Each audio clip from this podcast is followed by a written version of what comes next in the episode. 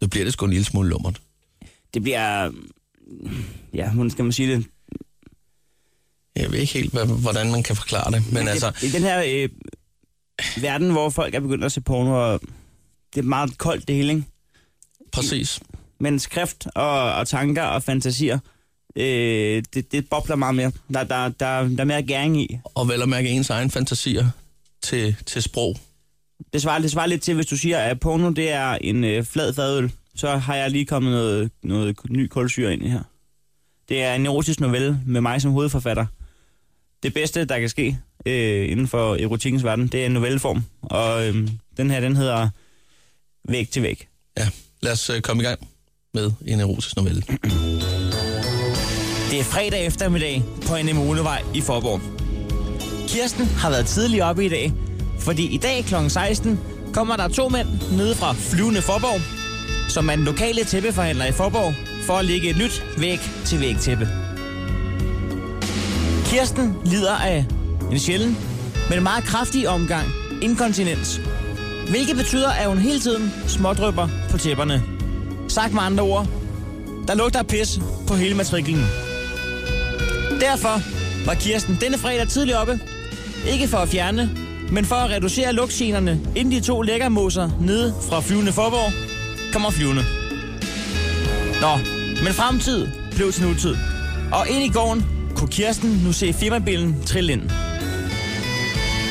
Da de kommer ind i lejligheden, lægger Kirsten godt mærke til, at de er et par velskabte mandfolk. Flotte overarme, og begge med en rigtig mandedunk. De rullede tæppet ud. Det var en flot gul. Kirsten havde tænkt, at gul ville være smart, da hun alligevel kommer til at småpisse på tæppet. Det kiggede ikke rigtigt på Kirsten, selvom hun havde været småflyttende. Eller øh, småflyttende. Nok nærmere flø, øh, meget flø. Okay, hun havde taget den ene tæppemand på pikken, da de bare tæppe ind, og hvad så? Kirsten stillede sig taktisk smart i hjørnet af stuen, spiste en bastonjekiks på en kælen måde. Pludselig kom hun til at tabe en bastonjekiks på gulvet. Hun bøjede sig langsomt ned efter den, og stod med røven lige i vejret mod de to mænd nede fra flyvende Forborg. De arbejdede videre. Kirsten blev stående. Det kiggede ikke.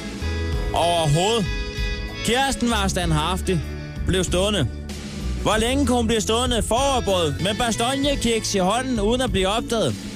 Kirsten skiftede taktik. Hvad så, drengen? Skal I lige have lidt goder? Kig på Kirstens nums. Værsgo. K- kan I lide det, drengen? Ja, det tror jeg nok. Kirsten, hvad fanden laver du? sagde de. Du står og krummer ud over tæppet med de der kiks. Kirsten sagde ja. Men til gengæld krummer jeg ikke i sengen. Hvad fanden mener du, Kirsten? Ja, altså.